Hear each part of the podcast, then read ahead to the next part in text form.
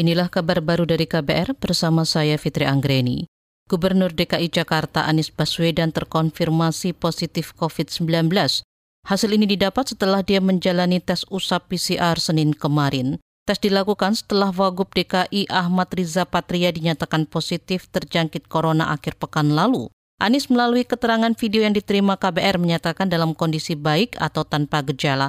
Dia menjalani isolasi mandiri di rumah dinasnya. Saya menyampaikan ini agar semua orang yang berinteraksi dengan saya selama beberapa hari terakhir ini bisa langsung melakukan langkah yang dibutuhkan, seperti isolasi mandiri atau tes usap PCR. Bagi siapa pun yang pernah bertemu saya dalam beberapa hari ini, silahkan langsung menghubungi puskesmas terdekat untuk menjalani tes usap. Dan tim tracing dari Dinkes juga akan mendata, akan dicatat semua, akan dihubungi semua kontak erat, dan seluruh prosedur terkait akan dijalankan.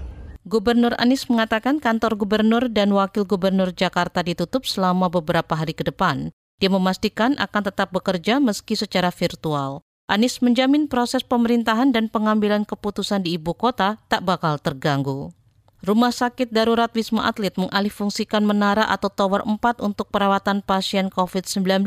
Tower tersebut sebelumnya digunakan untuk isolasi mandiri. Kepala Sekretaris Rumah Sakit Wisma Atlet, Cahya Nurobi mengatakan langkah ini untuk merespon meningkatnya tren kasus positif virus corona.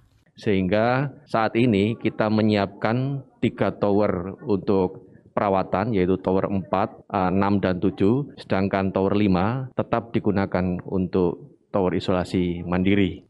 Kepala Sekretaris Rumah Sakit Darurat Wisma Atlet Cahya Nurobi menambahkan saat ini pihaknya menangani sekitar 3.500 pasien COVID-19. Tingkat okupasi menara untuk isolasi mandiri mencapai 80 persen dari kapasitas yang tersedia, sedangkan pasien di menara khusus perawatan mencapai 50 persen. Produsen obat Moderna mengklaim vaksin buatannya 100% efektif mencegah COVID-19. Klaim itu disampaikan berdasarkan hasil uji klinis tahap 3. Dikutip dari Antara News, hasil uji klinis yang diikuti 30 ribu partisipan itu disebut konsisten di berbagai demografi, termasuk usia, jenis kelamin, dan etnis. Perusahaan juga menyebut tidak ada masalah keamanan serius kecuali efek samping terbatas pada nyeri di tempat suntikan, sakit kepala, dan kelelahan. Saat ini Moderna bersiap mengajukan izin penggunaan darurat dari Badan Pengawas Obat Amerika Serikat atau FDA dan izin pemasaran bersyarat dari Badan Pengawas Obat Eropa. Akhir tahun ini Moderna menargetkan mampu memproduksi 20 juta dosis vaksin untuk warga Amerika. Demikian kabar baru dari KBR. Saya Fitri Anggreni, salam.